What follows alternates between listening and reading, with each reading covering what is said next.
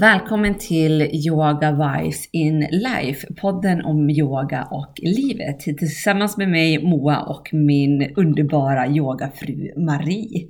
Hej Moa! Nu sitter vi här igen. Ja, och ganska snabbt ändå tycker jag. Ja, i jämförelse med hur vi har hållit på tidigare. Ja. Det, det var nästan en så här äh, semester vi tog. Ja, faktiskt. Mm, men nu är vi back. We're back on track. Hur är det i Umeå? Det är vår faktiskt. Det spöregnade igår och det kändes lite... Det åskade igår! Oj då.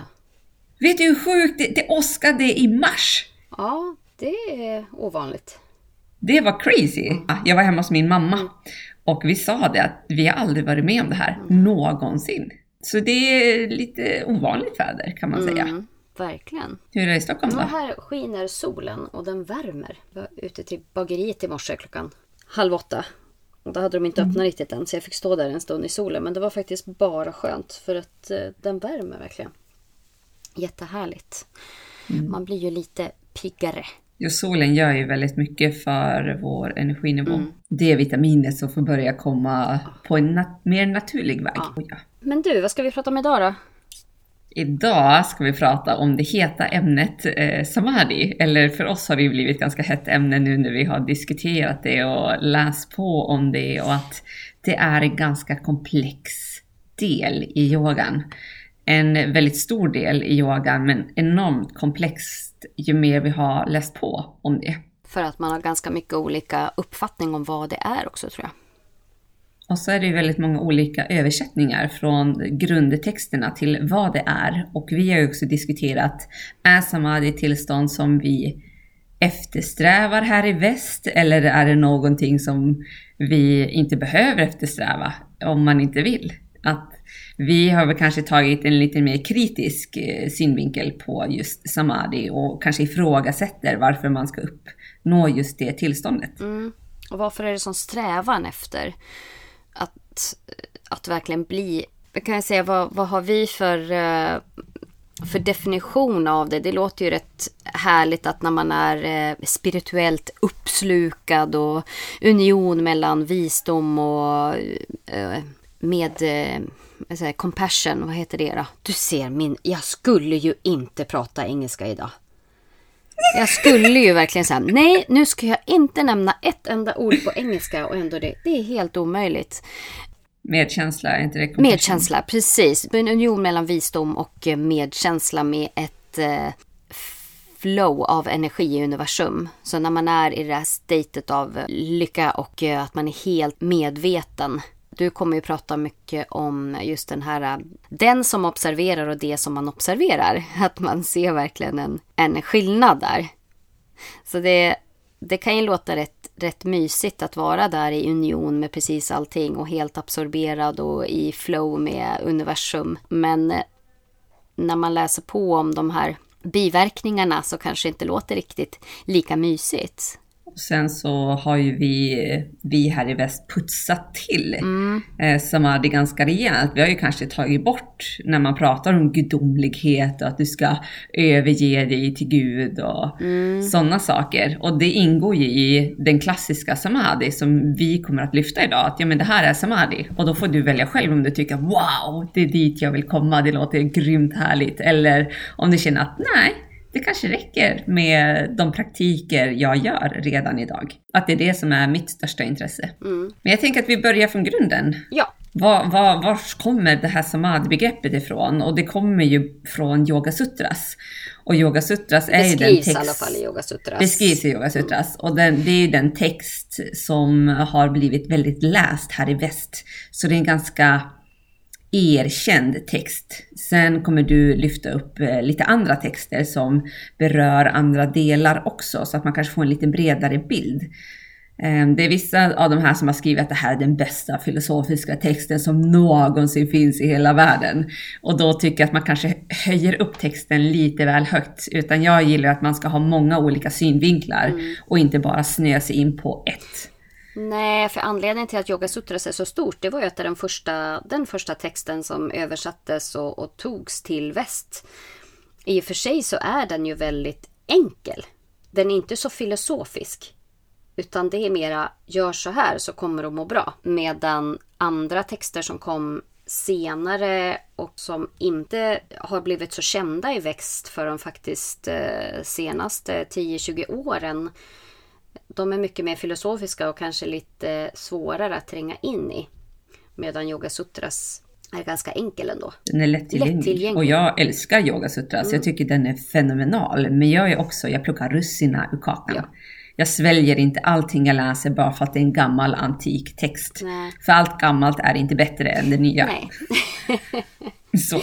men man kan lära sig av det. Man kan lära sig enormt mycket och det man lär sig mycket i Yoga Sutras är att de personerna som levde för ungefär 2000 plus mera år sedan hade samma problem som vi har idag. Ja. Vi har inte utvecklats så mycket på 2000 år. Vi, vi har samma dramatik, vi har samma problem att fokusera på en och samma sak. Eh, lite olika livsvillkor, men samma grund egentligen. Ja. Men Patanjali som har skrivit Yoga Sutras, där han har sammanfattat alla de här olika texterna och alla de här olika synsätten, för det är inte han som har kommit på det här. Patanjali sammanfattar det, okej vad är det som finns idag? Det är lite för rörigt, vi måste liksom sammanfatta det till en bok så att det blir tydligare. Och det, det, det har han ju lyckats med. Det är tydligt när man läser i hans bok eh, vad, vad han vill få fram med dessa filosofiska delar. Och det är det man brukar kalla för klassisk yoga. Precis. Och då beskriver han en ashtanga yoga. Och det här är en åttafaldig väg. Ashtanga betyder åtta. Asha. Eh, eller ashta betyder åtta och anga betyder gren. Eh, så. så den här åttafaldiga vägen, det är den som leder till samadhi. Och den första delen är då yamas och där beskriver man olika aspekter bakom hur du kan egentligen bemöta andra människor genom att bemöta dig själv först. Så det är lite ditt förhållningssätt till din omvärld. Vi har pratat om eh, yamas tidigare, bland annat eh, ahimsa, icke skada och eh, vad heter den andra? Satya. Satya, sanning. Så den kan ni lyssna på tidigare. Men det är liksom det första steget i denna åttafaldiga väg. Det andra steget är niyamas och det är mer praktiker mot dig själv. Lite rening och att du ska hålla igång din praktik för att ta hand om dig själv och att du behöver vidareutveckla dig själv för att gå vidare. Och den tycker jag är superviktig. Du måste hela tiden ha nyfikenhet på ny kunskap för att lära dig mer. Och om dig själv. Så de, om dig själv. Och de två första stegen är ju mer teoretiska kan man säga. Att man diskuterar, man tänker efter, hur förhåller jag mig till mig själv och till min omvärld. Mm, fast sen även implementera det rent praktiskt. Hur, hur man beter sig och hur man diskuterar med sig själv, sina egna tankar om sig själv, om andra. Så att först, yes, teoretiskt men sen även implementera. Att praktisera både yamas och niyamas är ju super, super viktigt för att man ska kunna nå de högre dimensionerna senare. Och det är det här vi tycker är så som man ofta glömmer bort att om man går direkt på de högre dimensionerna så kommer det inte gå något bra. Men det kan vi diskutera mer sen. Fortsätt du, vad är nästa steg? Nästa steg är asana, alltså yogapositioner och det är väl där vi västlänningar hoppar in på en gång. Vi bara wow, vi vill träna kroppen, vi vill kötta, vi ska stärka oss. Eh, det var ju så man sålde in yogan till vi västerlänningar. Mm. I USA så svalde man ju yamas och niyamas och de har älskat det här filosofiska och sånt. Men vi här i eh, Europa var lite mer okej, vi, vi vill träna. Så på 80-talet så sög vi åt oss åt den här gruppträningen yogan. Och då var det ju bara fysiska positioner. Det blev det i alla fall. Det, har gått det blev det. Ja. Även Det, det var lättare att sälja in fysiska positioner än filosofiska diskussionspunkter. ett tag. Nu börjar det vända igen känner jag. Mm, det gör det definitivt. Så asana är ju att du ska stärka upp kroppen för att förbereda dig för vad som komma skall. Och enligt den här traditionen så gör du fysiska positioner för att kunna sitta ner i meditation. Ja, och även kunna hålla energi. Att för om du inte har en stark vässel, en stark kropp, så kan du inte hålla all den energi som du kommer att skapa sen. I de senare stadierna. Du måste ha en stark kropp för att klara det. Och nästa steg blir då prana yama. Och prana är ju livsenergi, ayama ut, översätts till utvidgning. Så prana yama, vad sa du? Eller rikta. Mm. Ja. Eh, pranayama är att rikta din livskraft i kroppen. Mm. Och det bygger man upp genom olika andningstekniker. Och andningstekniker som man har märkt är ju kanske inte riktigt den bästa andningen, den korrekta andningen om man går till väst. Utan andningstekniker handlar om att du ska skicka energi till olika delar i kroppen. Så det handlar inte om att den är mest gynnsam för kroppen, den här andningstekniken, utan det finns så många andningstekniker som höjer energin, som sänker energin, som skakar igång energin. Så det är olika sätt att styra energi med hjälp av andning. Mm. Helt fantastiskt. Ja, men det är fenomenalt. Och ju mer vi har yogat, desto mer märker vi det att Mm. jag kan tänka på min högra lunga och andas till den. Ja.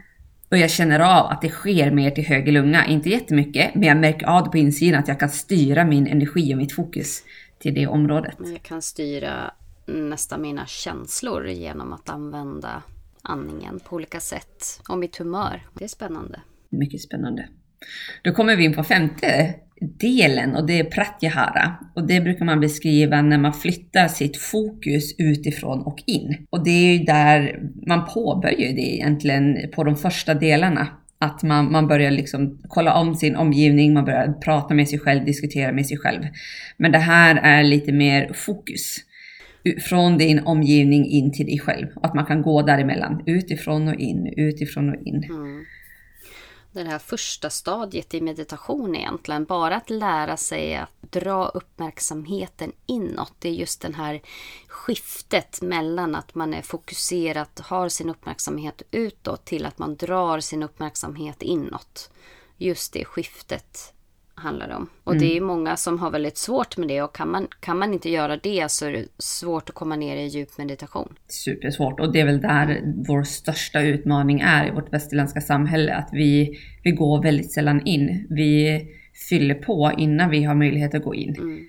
Med smartphones. Det är väl kanske den som är den största delen. Att vi har alltid med oss någonting så vi kan upprätthålla en uppmärksamhet mot. Ja, utåt, Något som kan underhålla oss. Ja, något, något som kan underhålla oss själva. Så det här är första steget, att kunna gå vidare in till meditation och in till en djupare medvetenhet egentligen. Mm.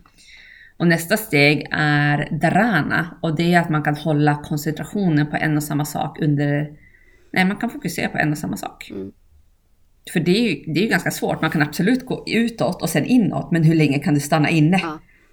Hur länge kan du hålla fokus på en och samma sak på insidan innan någonting kommer och pockar på din uppmärksamhet? Olika tankar eller känslor eller att du blir uttråkad för att du inte brukar vara där. Och det här är en så viktig punkt att kunna jobba med sin koncentration och det är därför det också det är den sjätte grenen av åtta grenar. Den är tuff att åstadkomma så man måste ha gjort en hel del arbete innan man behärskar den här. Det tar tid. Verkligen. Och från dharana går man in till dhyana, alltså djupare meditation. Och det är att man kan hålla fokus på en och samma sak under lång period. sammansmälta med det objektet. Och det är det som leder till när man verkligen kan först då koncentrera sig och sen fokusera. Så att koncentrera sig och fokusera är, ja de är ju väldigt, väldigt relaterade men inte riktigt samma sak ändå. Men när du sen kan fokusera på ett objekt och verkligen se det objektet och sammansmälta med det. Det är då du verkligen kan se vad det är gjort av. Och att det man vill där är väl att se att man är samma. Och att man tar bort alla de här mina fördomar och min, eh, min valda sanning om vad det här objektet är för någonting. Om man då kan ta bort allting sånt som jag har lärt mig ända sedan jag var barn om vad det här objektet är och bara verkligen se och smälta samman med det. Det är då man kan se vad vi kallar för sanningen. Då börjar vi närma oss samadhi, men jag vill stanna lite grann på dhyana först eftersom det finns ju så sjukligt många olika meditationstekniker. Och alla handlar definitivt inte om att man ska smälta samman med det man observerar. Nej. Och det är nu det börjar bli komplext, tycker jag. Mm. Att okej, då, då, det, här beskriver de kanske en slags meditationsform, men vi i världen praktiserar så extremt många olika meditationsformer. Och det tror jag för att det finns ett behov av att meditera på en mängd olika sätt för att alla människor är formade på olika sätt. Alla människor möter olika utmaningar och alla människor vill inte nå samadhi. Är knappt medvetna om samadhi utan de vill kunna meditera på bilder, på ljud, på mantran, på insidan, på att observera sina tankar. Mm. Att sitta där som en observatör snarare än att smälta in i det du observerar. Mm. Och syftet med det då? För jag menar ett syfte med meditation som de allra och även forskningen börjar se nu men vad det är ju och det man har forskat på är ju inte samadhi. Utan det man har forskat på det är ju meditation, effekterna av meditation och mindfulness. Att man eh, faktiskt mår oftast bättre, hjärnan återhämtar sig och så vidare. Så att meditation måste ju inte ha som syfte att man ska nå samadhi, som du säger. Men det har det syftet i Yoga Sutras och den åttafaldiga vägen. Då är syftet samadhi. Målet är samadhi. Och det är därför vi också vill prata om det här att Även om jag älskar Yoga Sutras, jag tyckte det är en fenomenal text och jag kan prata kring samadhi, så pratar jag kanske kring en lite mer avskalad variant. Mm av samadhi. Jag pratar inte alls, jag plockar russinen ur kakan. Mm. Så jag pratar inte alls om den samadhi som finns i de här uh, djupa och gamla texterna för att jag tycker inte att det är ett attraktivt tillstånd för just mig. Den här högsta, högsta, högsta formen. Sen finns det ju flera olika former av samadhi också, olika steg även där. Så att om man har åtta steg på väg upp till samadhi så finns det även flera steg i samadhi. Det är precis som med awakening. Det finns flera olika koncept som är, som är ganska interrelaterade och det är ju samadhi, kundalini och awakening, alltså uppvaknande eller upplysning. Och i Yoga Sutra så nämns inte kundalini överhuvudtaget för att det är ett tantriskt uttryck. Alltså från klassisk tantra. Yoga Sutras är vad vi kallar för klassisk yoga som kommer från Veda-sidan. Medan kundalini och chakran och så vidare, det kommer mer ifrån tantra-texterna.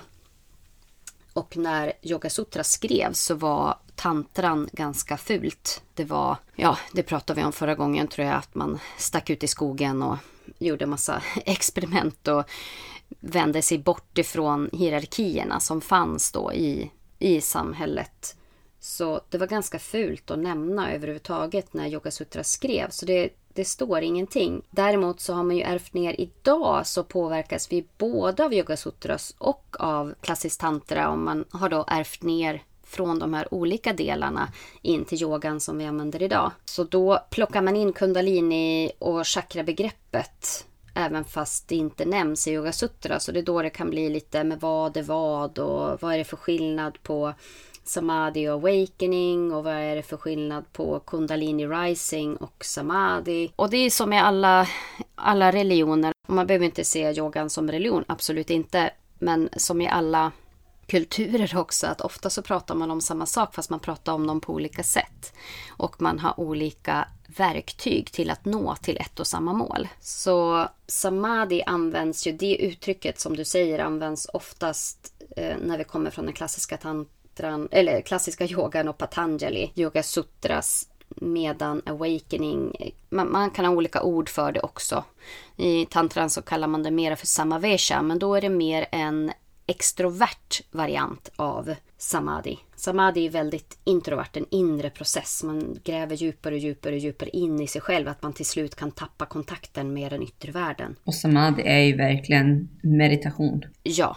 Det handlar ju om meditation. Det handlar inte, du når inte samadhi när du gör yogapositioner eller andningsövningar. Du når samadhi när du sitter med dig själv, skalar av, skalar av, skalar av för att gå djupare in. Och den kallas ofta den högre medvetenheten. Och ibland så kallar de det vi normalmänniskor är den lägre medvetenheten och jag gillar inte den benämningen.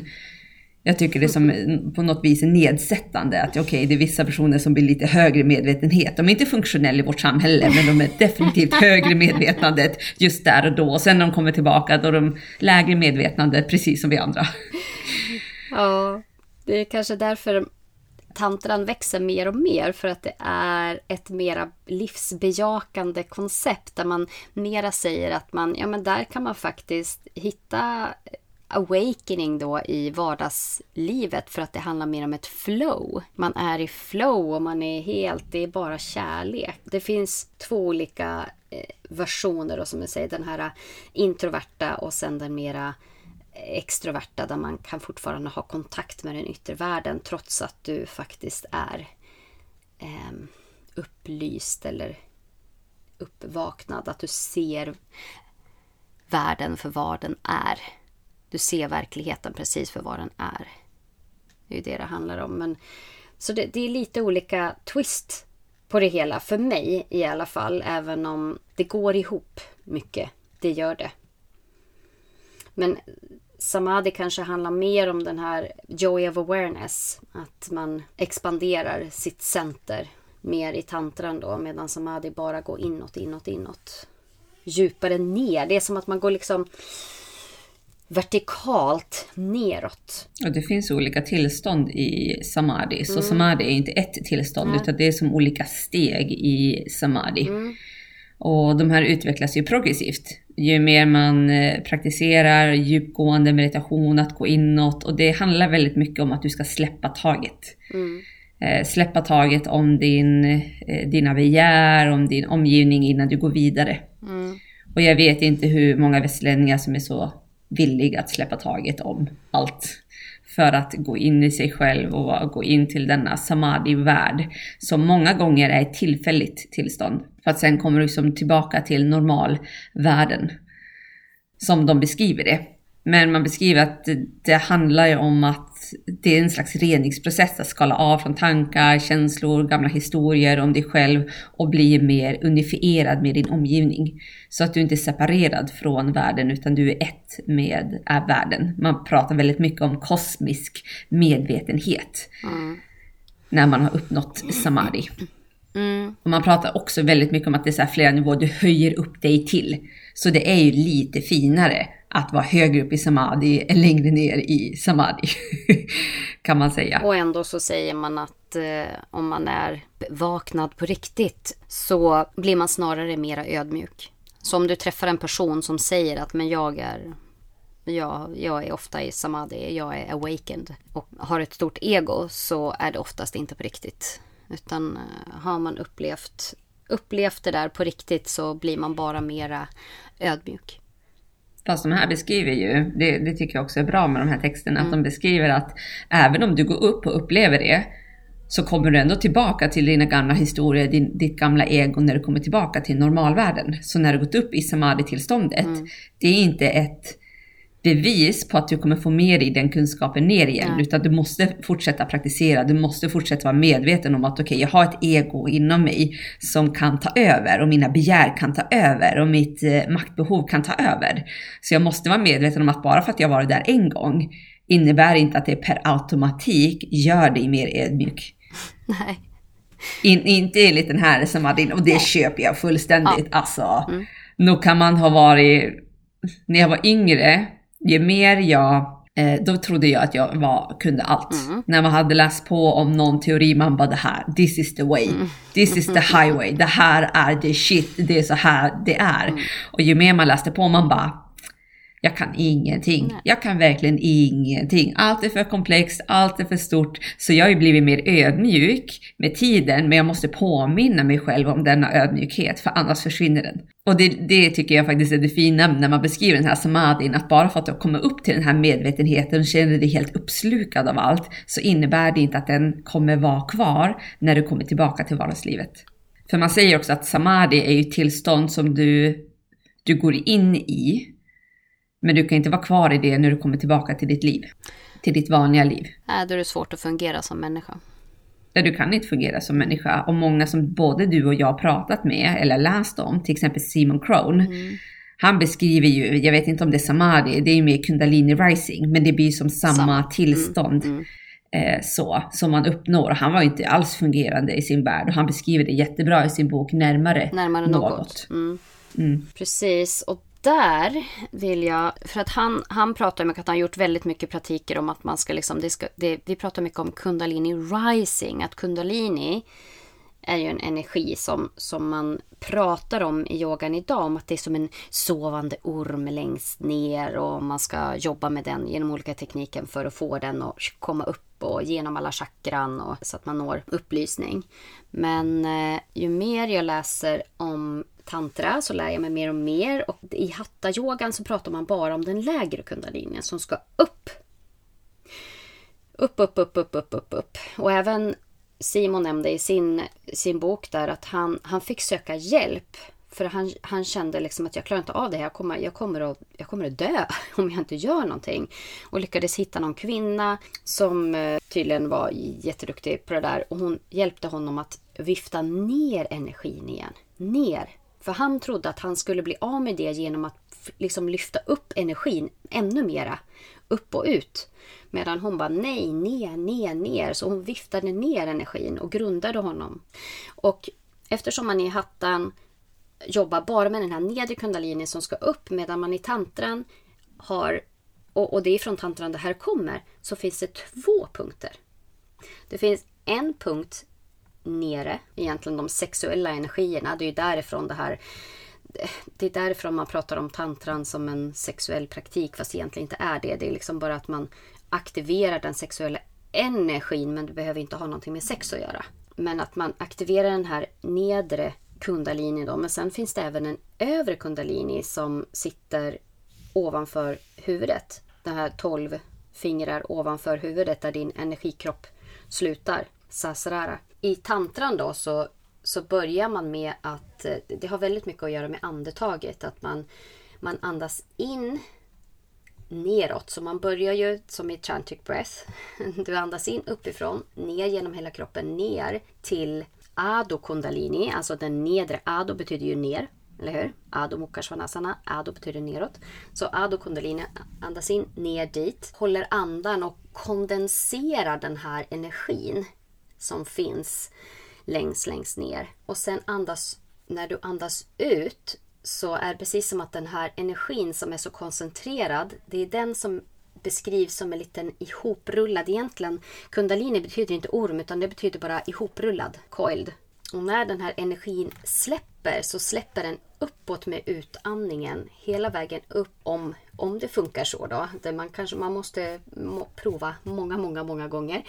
Och den här energin åker då upp genom den centrala kanalen, genom, genom alla chakran genom vad vi kallar för Maya Granti som är den som stoppar mig från att se verkligheten som, som den är. Vi kan prata mer om det.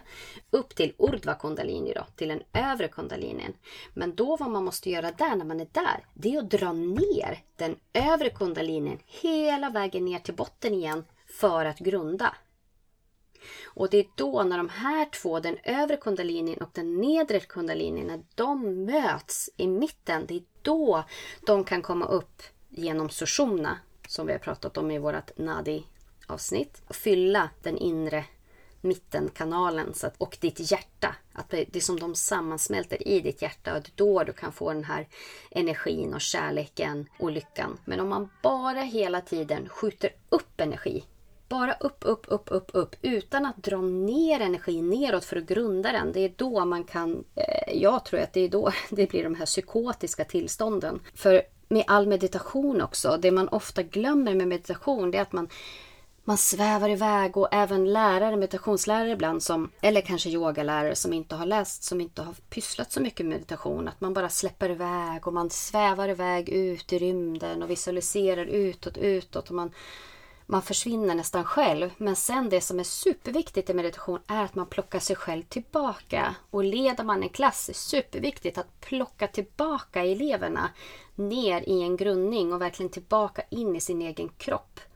Så att man inte bara lämnar alla där i ett tillstånd av när man är helt ute i, i rymden. Förstår du vad jag menar? Mm. Så även oh ja. här med kundalinin att det är superviktigt att man verkligen grundar ner också. Men det, den här övre kundalinin har man tappat bort på vägen, känns det som. Och dina texter som du beskriver, de är inte lika välkända Nej. heller. Nej. Utan det är Yoga Sutra som har tagit störst plats och det är väl det man har lyft. Och då har man glömt bort de andra delarna eller tagit russinen ur kakan där. Man har tagit chakrasystemet och kundaliniormen upp mm. men inte kundaliniormen ner. Ja, Och, och som sagt, det, det, man pratar ingenting om en orm överhuvudtaget i, i de här texterna. Utan det är en ett hopsnurrad energi. Så det handlar ingenting om en orm som ska upp. Det är bara ett, eh, en visualisering som man, som man kan göra, men det nämns ingenting om det. Jag tror att jag pratade förut om Octavio Salvado som höll en föreläsning och han pratade mycket om moon practice och sun practice och att eh, här i väst, det de allra flesta behöver, det är inte en, eh, en expansiv praktik där man drar mycket energi upp. Utan att det vi behöver mycket, i alla fall vår hjärna, vår kropp behöver ju det här där vi öppnar upp, vi drar tillbaka axlar och eftersom vi sitter så mycket och framåtroterande så vi behöver en ganska rigorös fysisk praktik. Men vårt sinne, våran hjärna, vad den behöver är mera än vad vi kallar för moon practice, där man gör mycket framåtfällningar, det är mycket lugnande, det är restorative, det är mycket grundande praktiker. Så det är det som blir så svårt för oss västerlänningar, att vår kropp, vår fysiska kropp behöver den här eh, den varma, svettiga uppöppnande praktiken när man mycket, eh, vad vi kallar för bröstöppningar och så, bakåtfällningar och eh, stärkande mycket muskler. Medan vårt sinne behöver framåtfällningarna, det lugna, det grundande. Och beroende på hur man är som person, då, om man redan är en stressad person och så börjar man att köra en massa uppåtlyftande energiövningar så kan det nog gå ganska tokigt. Men där måste du också kanske vara tydlig med att du kommer kanske inte hamna i trans eller psykos Nej. bara för att du gör lite andningsövningar, utan det kräver ju mycket för att ta dig dit. Jag har ju praktiserat mycket, men jag, i och för sig, jag har inte haft ett intresse att ta mig dit heller. Så. Ja, det är som sagt, det är inte lätt att ta sig dit. Mm. Jag, jag, ska inte säga att jag har tagit mig dit ens i närheten. Så, men däremot, nej, jag upplever inte det heller. Nej, men däremot det jag känner som talar till mig mer, det är ju vad man mer kallar för awakening eller uppvaknande. Och hur hamnar man där då? Ja, men det är faktiskt ganska likt. Alltså, här i väst så pratar man mycket om att upplysning, att man ska få något, att man ska få en oändlig visdom som gör att man kan se rakt igenom människor och händelser och sådär. För det är så upplysta personer verkar som Adyashanti och Byron Katie och så som hon, Byron Katie och jag pratade om förut, som har The Works. Och hon har ju aldrig, säger själv i alla fall, att hon aldrig har läst en enda spirituell bok. Men hon säger ju samma sak som alla de andra lärda. Men man, man, kan liksom tänka det här att men det är som om att man, när man väl har nått dit så får man liksom en sån här megafil från himlen med all kunskap och klokskap som finns. Man har jättebandbredd och bara tankar ner från internet, men inte riktigt. Awakening eller uppvaknande det, om, man, om man använder ordet awakening istället för enlightenment, alltså uppvaknande istället för upplysning, det beskriver mer, bättre vad, vad som egentligen är. Att man egentligen vaknar upp till någonting, alltså man vaknar upp i någonting som man tror på. För att när man tror att någonting är på ett sätt, till exempel vem jag är, vad jag gillar, vad jag kan, vad jag inte kan, vad världen är och så vidare. Och sen så vaknar man upp, det är liksom som ur en dröm att nej men det var som sist på utbildningen så pratade om att det är så läskigt att när man har blivit uppmärksam på ett ord eller en händelse som sker så ser man det helt plötsligt överallt. På tunnelbanan, på reklam, på gatan och i böcker. Så, och det betyder ju inte att det där ordet eller händelsen inte fanns där förut men det är bara det att jag var inte medveten om det så jag såg det inte. Men när jag ser det så är det precis som att en slöja har dragits bort och då ser jag allt. Och det är den här slöjan som vi pratar om, Maya, Maya Granti och det är den man liksom piercade igenom med den här kundalini-ormen då. Är det en slöja eller flera? Flera.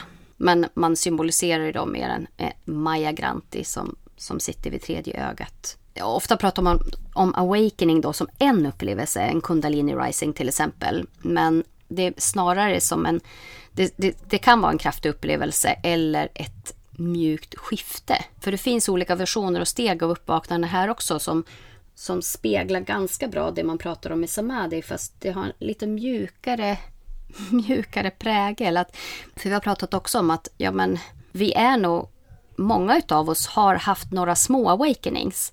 För det första uppvaknandet det är att man ofta eh, att, man, att man vaknar upp ur tron på att man är sina tankar.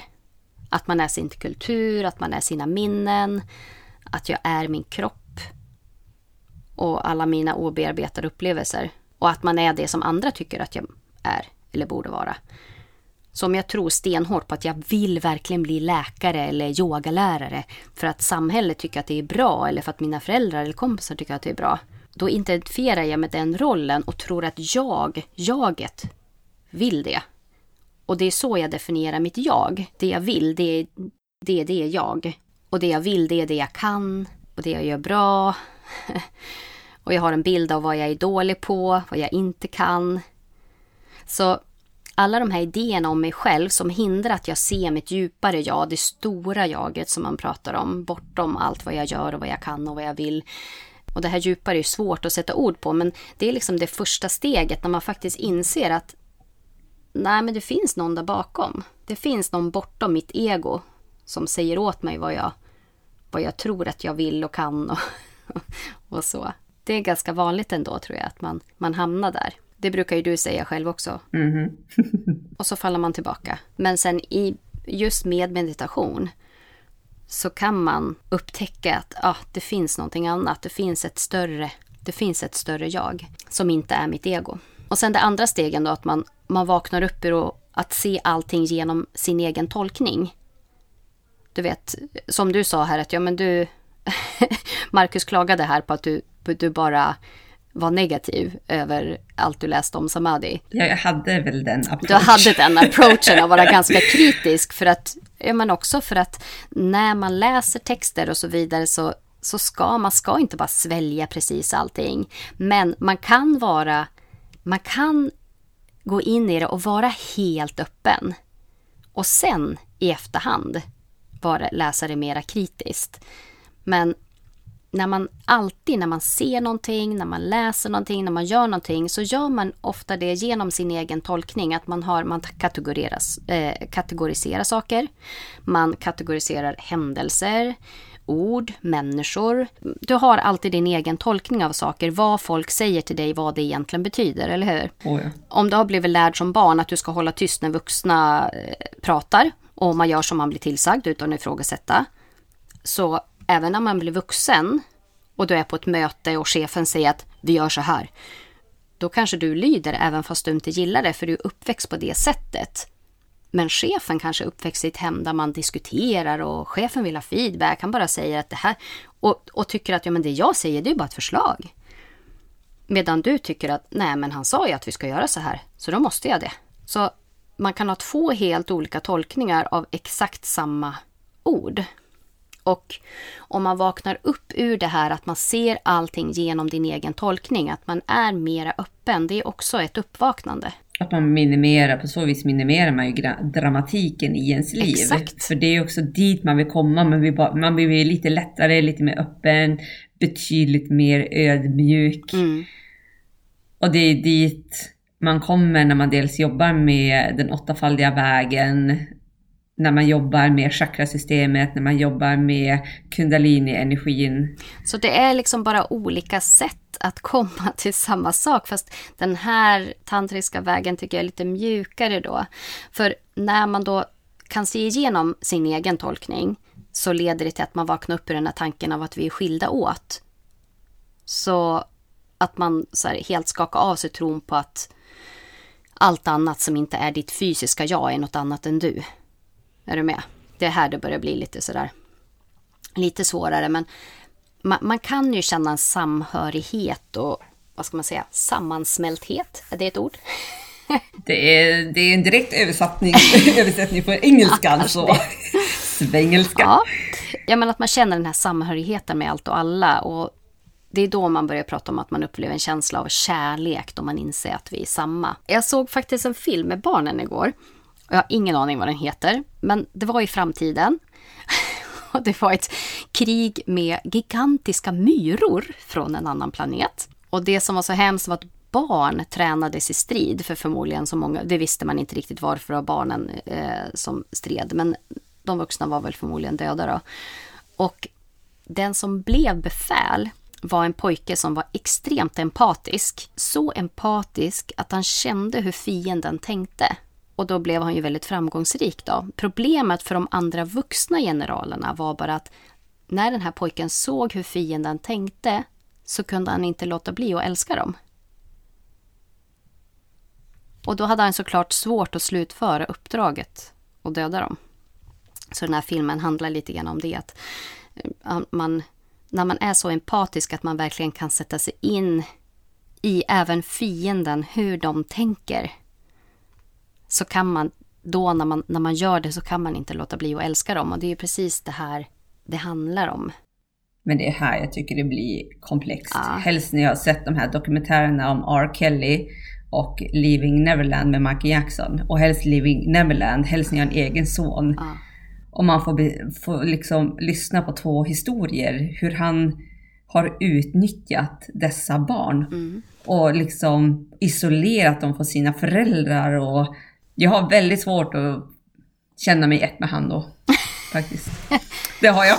ja, men det är ju här då, då, om du sätter dig in i Michael Jacksons situation, hur han var uppväxt. I hans hjärna så gjorde han det här säkert för barnens skull. Fast kan, kan man verkligen dra det så långt? Ja. Att han gjorde det för barnens skull? I hans hjärna så var det så. Eh, fast är det säkert att det var så i hans hjärna?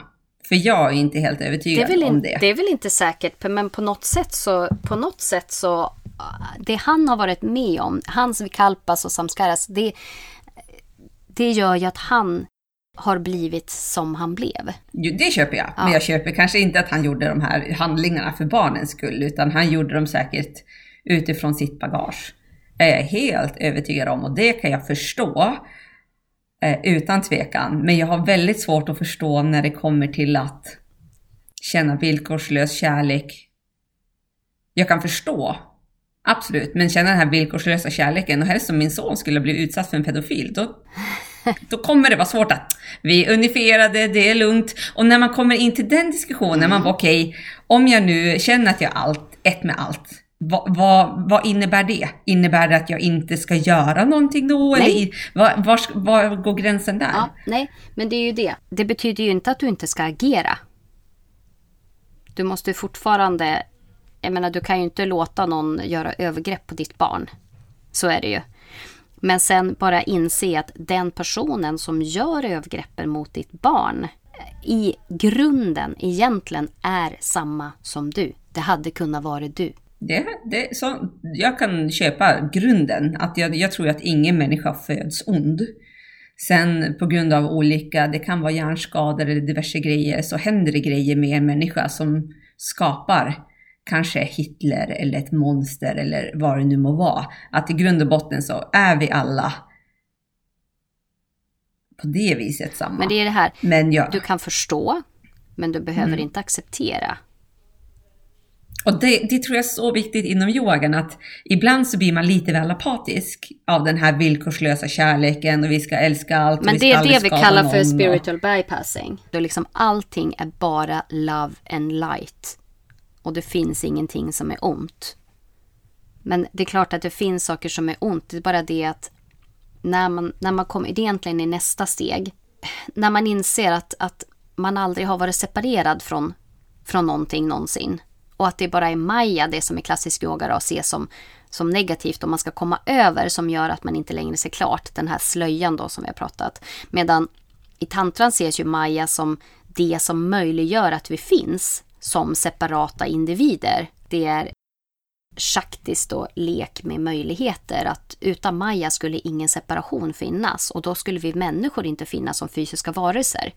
Utan då skulle det bara finnas ett enda oformligt medvetande och det är det som är grejen här att man om man verkligen ser att man är samma så det, det är ett enda medvetande vilket betyder att både Michael Jackson och du är gjorda av samma. Sen så behöver man inte acceptera beteenden bara för att man tror att det är allting, men jag är så kärleksfull och det är bara love and light och jag älskar alla. Och det kan vara så att du älskar alla men du kom, kan, behöver inte acceptera alla beteenden för det är inte heller meningen, tror jag. Men däremot så kan man förstå att man, man kommer ifrån samma men man har haft olika som du säger, det kan vara en hjärnskada, det kan vara uppväxt, det kan vara allt möjligt som man egentligen inte ska skylla på. Till syvende och sist så, så är det här att man i uppvaknande så ingår det då att man, man, man ser verkligen att men vi, är, vi är samma. Och även om vi är fiender så, så kan jag inte låta bli att, att älska dig. Men det är ju det här också vad många känner en stor rädsla. Men vill jag verkligen bli upplyst? Vill jag, vill jag vakna upp? Vill jag hamna i det här högre samadhi där jag bara älskar allt och alla precis lika mycket. Vilket då betyder att du skulle älska Michael Jackson precis lika mycket som din egen son. Och kanske Michael Jackson då behöver mera hjälp än din egen son, så då skulle du satsa all energi på honom. Och vill du verkligen det? Nej. Nej. no. Så frågan är ju då om det är ett så attraktivt mm. tillstånd att verkligen vara där. Eh, om du nu fortfarande vill leva som människa i ditt eh, normala vardagliga liv. Och det är det som är komplexiteten. Men det är här det blir svårt, just det här. Mm. Och även nästa steg, det är, det är det här att man ska vakna upp ur tron på en objektiv verklighet. Att eh, tron på en verklighet som existerar även utan någon som är medveten om den. Den här klassiska frågan om, om ett träd faller i skogen och ingen finns där, hörs det något då? Mm. Det, alltså det är så... Det, nej, det, det är där jag det är där de tappar mig. det tänker jag med. Men jag tror också att med mer kunskap och mer medvetenhet kan man välja själv. Då behöver ja. man inte svälja de här personerna som är helt övertygade om att yoga sutras och samadhi, this is the way.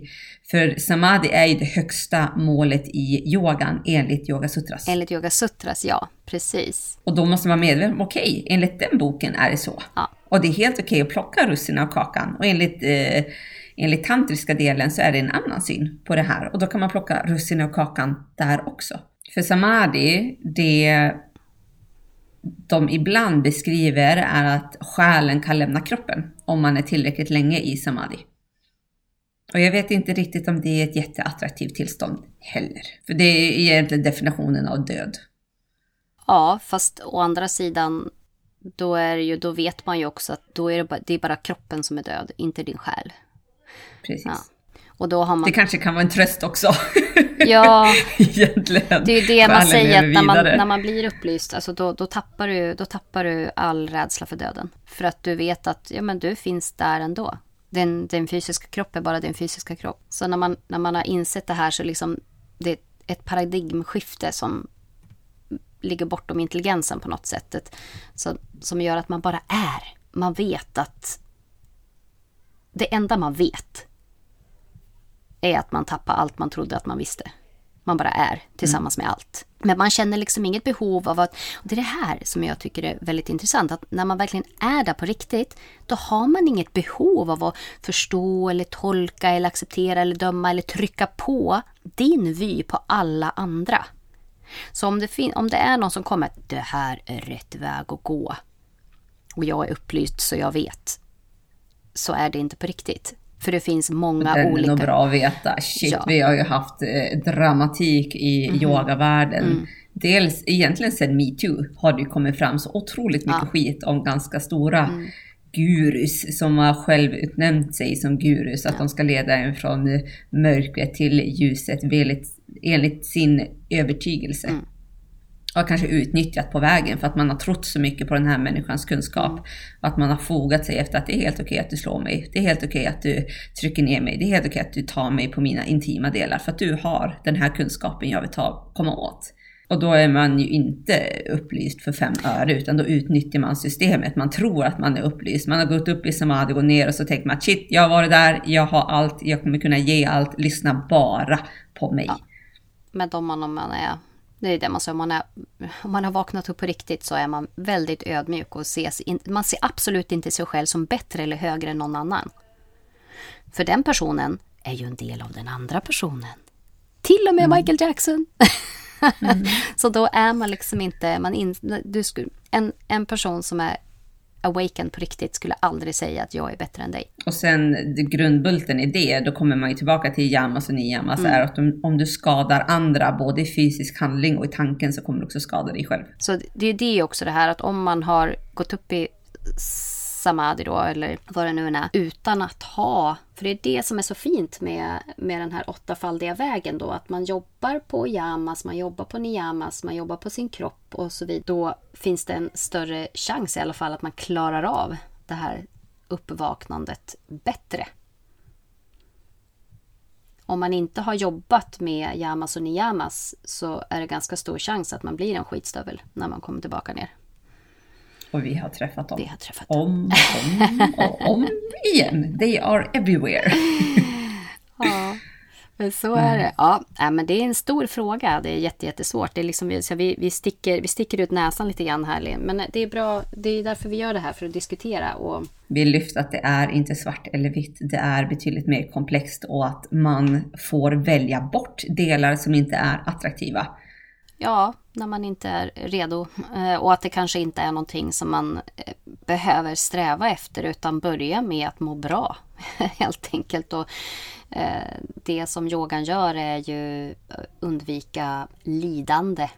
Och man kommer ganska långt att undvika lidande utan att behöva tappa kontakten med den yttre världen. Men reflektion är ju ett stort steg av det här och där kan man ju hänga kvar i några livstider innan man behöver gå vidare. Så sammanfattningsvis kan man säga att det finns olika syner på eh, samadhi bland annat, men den största synen kommer väl från Yoga Sutra, alltså den åttafaldiga vägen och att yogan är yogan är målet till samadhi egentligen.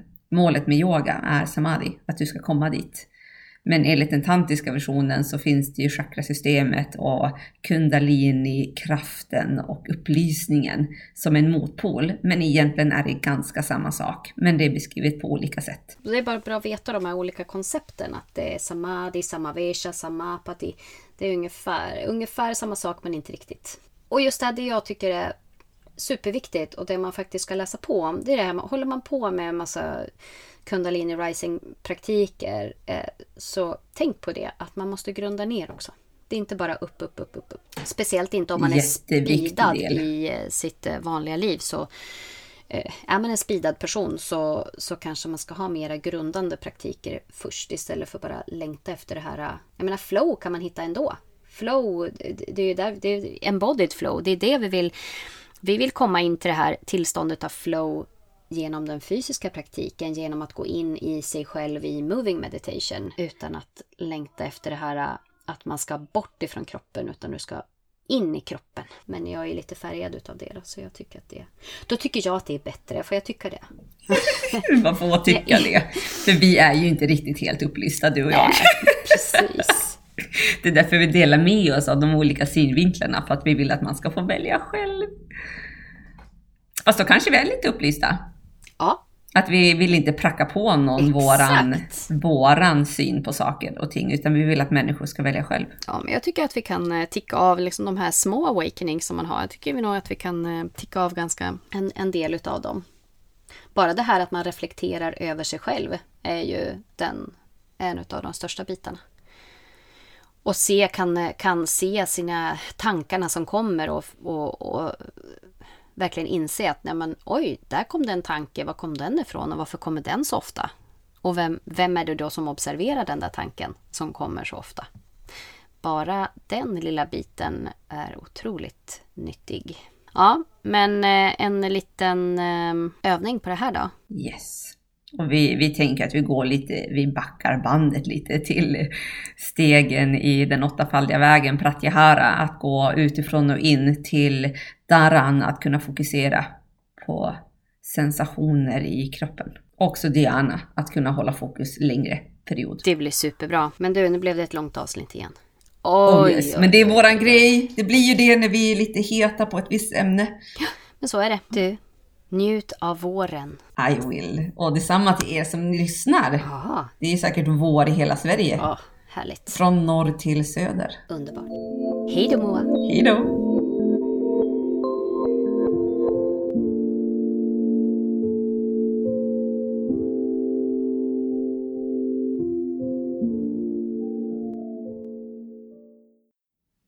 Välkommen till en meditation där du ska få fokusera dina sinnen utifrån och in. Och du kommer beröra tre steg enligt eh, Yoga Sutras och den åttafaldiga vägen som beskrivs som Ashtanga-programmet. Och du kommer börja med Pratyahara, att fokusera från utåt, den externa världen, in till den interna världen. Och för att göra det ska du först få börja observera de ljud du har i din omgivning. Om du tänker dig att du ska beröra de ljud som är allra längst bort från din kropp. Kanske är det något flygplan eller någon bil du kan höra på ett långt avstånd. Om du sitter inomhus så kanske det är ljud utanför huset.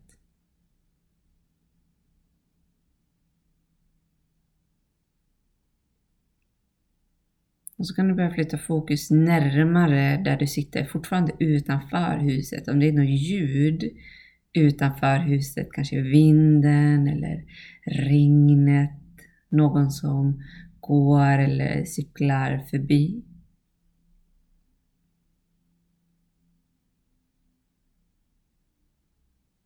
Kanske några fåglar som kvittrar där ute, något annat djur som rör sig.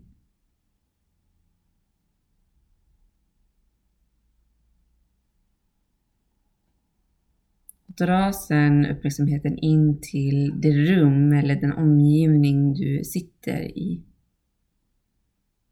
Observera de ljud som finns i din omgivning. Möjligen eh, ventilationen. Någon annan elektronik som vibrerar.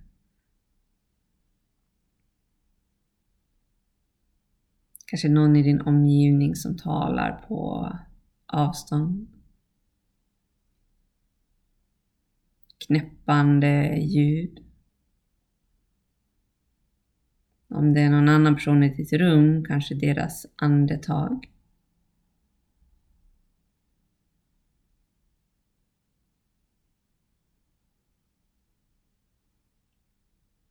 Börja sedan dra uppmärksamheten närmare din egen kropp närmare dina egna andetag.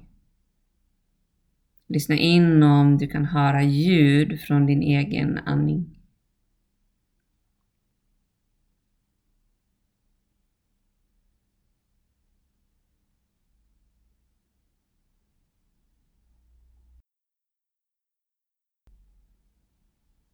Bli ännu mer medveten om rörelsen nära din kropp rörelsen som uppstår av att du andas.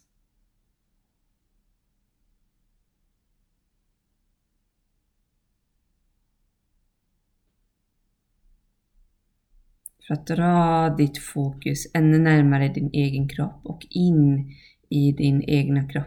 Och då kommer du till ditt nästa steg och det är dharana.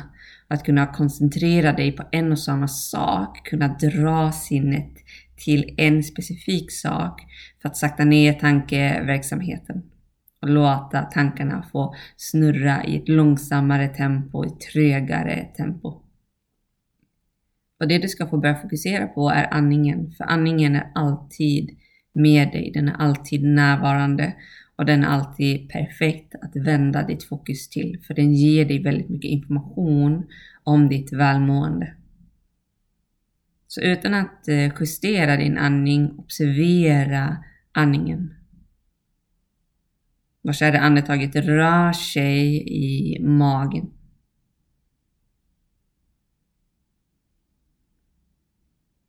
Är magen avslappnad och mjuk?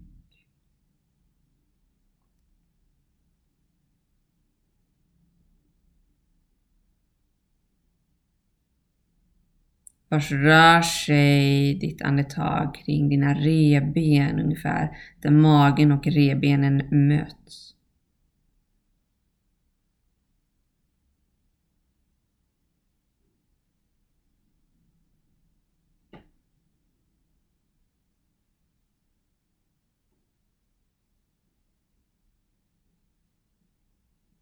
För att ta dig lite högre upp till bröstkorgen, vars upplever du att andningen rör sig.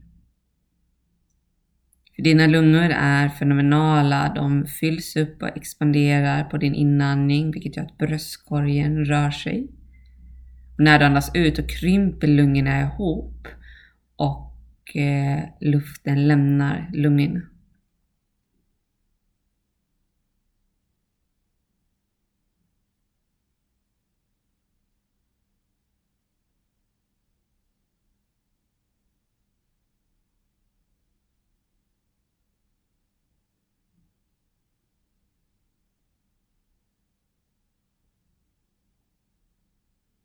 Här kan du märka hur lungorna rör sig där på insidan av bröstkorgen.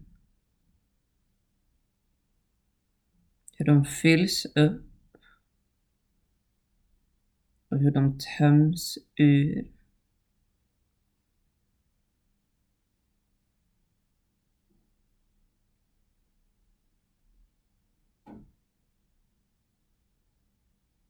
Möjligen så att du kan börja känna efter hur det känns i bröstkorgen i magen när du andas.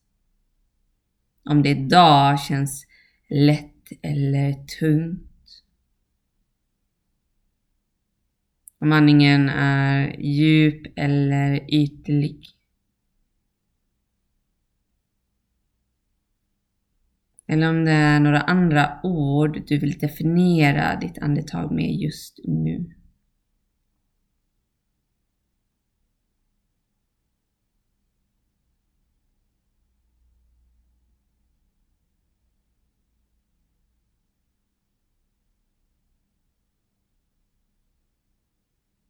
Du ska nu få gå vidare till nästa steg i din meditation som heter Dhyana. Och det är när du håller fokus på en och samma sak under lång period, alltså full koncentration. Och då ska du få gå in till en meditation som heter 27. Den innebär att varje andetag symboliserar en räkning. Så varje gång du andas så blir det en räkning och du börjar på 27. Nästa andetag blir 26, nästkommande 25 vidare till noll. Och det är inte säkert att du kommer hinna till noll eftersom så fort du tänker på något annat än just räkningen och andningen, då börjar det om från 27. Så här kommer du få verkligen svart på vitt hur ditt fokus är, hur din koncentration är. Så när du börjar på 27 så kan det vara lättare att både räkna in och utandningen samma siffra. Så jag kommer guida en stund och sen så ska du få göra det här på egen hand. Så när du andas in räknar du till 27. Andas ut, räkna 27. In 26. Ut 26. In 25. Ut 25. In 24. Ut 24. In 23. Ut 23. In 22. Ut 22. Och här efter ska du få guida dig själv och då rekommenderar jag att du börjar från 27. Dels för att du kan få jobba med ditt egna unika andetag, din egna rytm så att kroppen fortsätter att vara lugn när du genomför den här meditationen. Men också så att du kan börja om när du behöver börja om. Och det här är ju det tredje steget av den här koncentrationsövningen, att gå utifrån in, närma dig själv för att hålla fullt fokus på en och samma sak. Så ha tålamod med dig själv, var ödmjuk mot dig själv. Det här kommer variera från dag till dag. Men ju oftare du övar, desto lättare kommer det att bli att hålla fokus på din räkning. Så otroligt lycka till, njut av processen.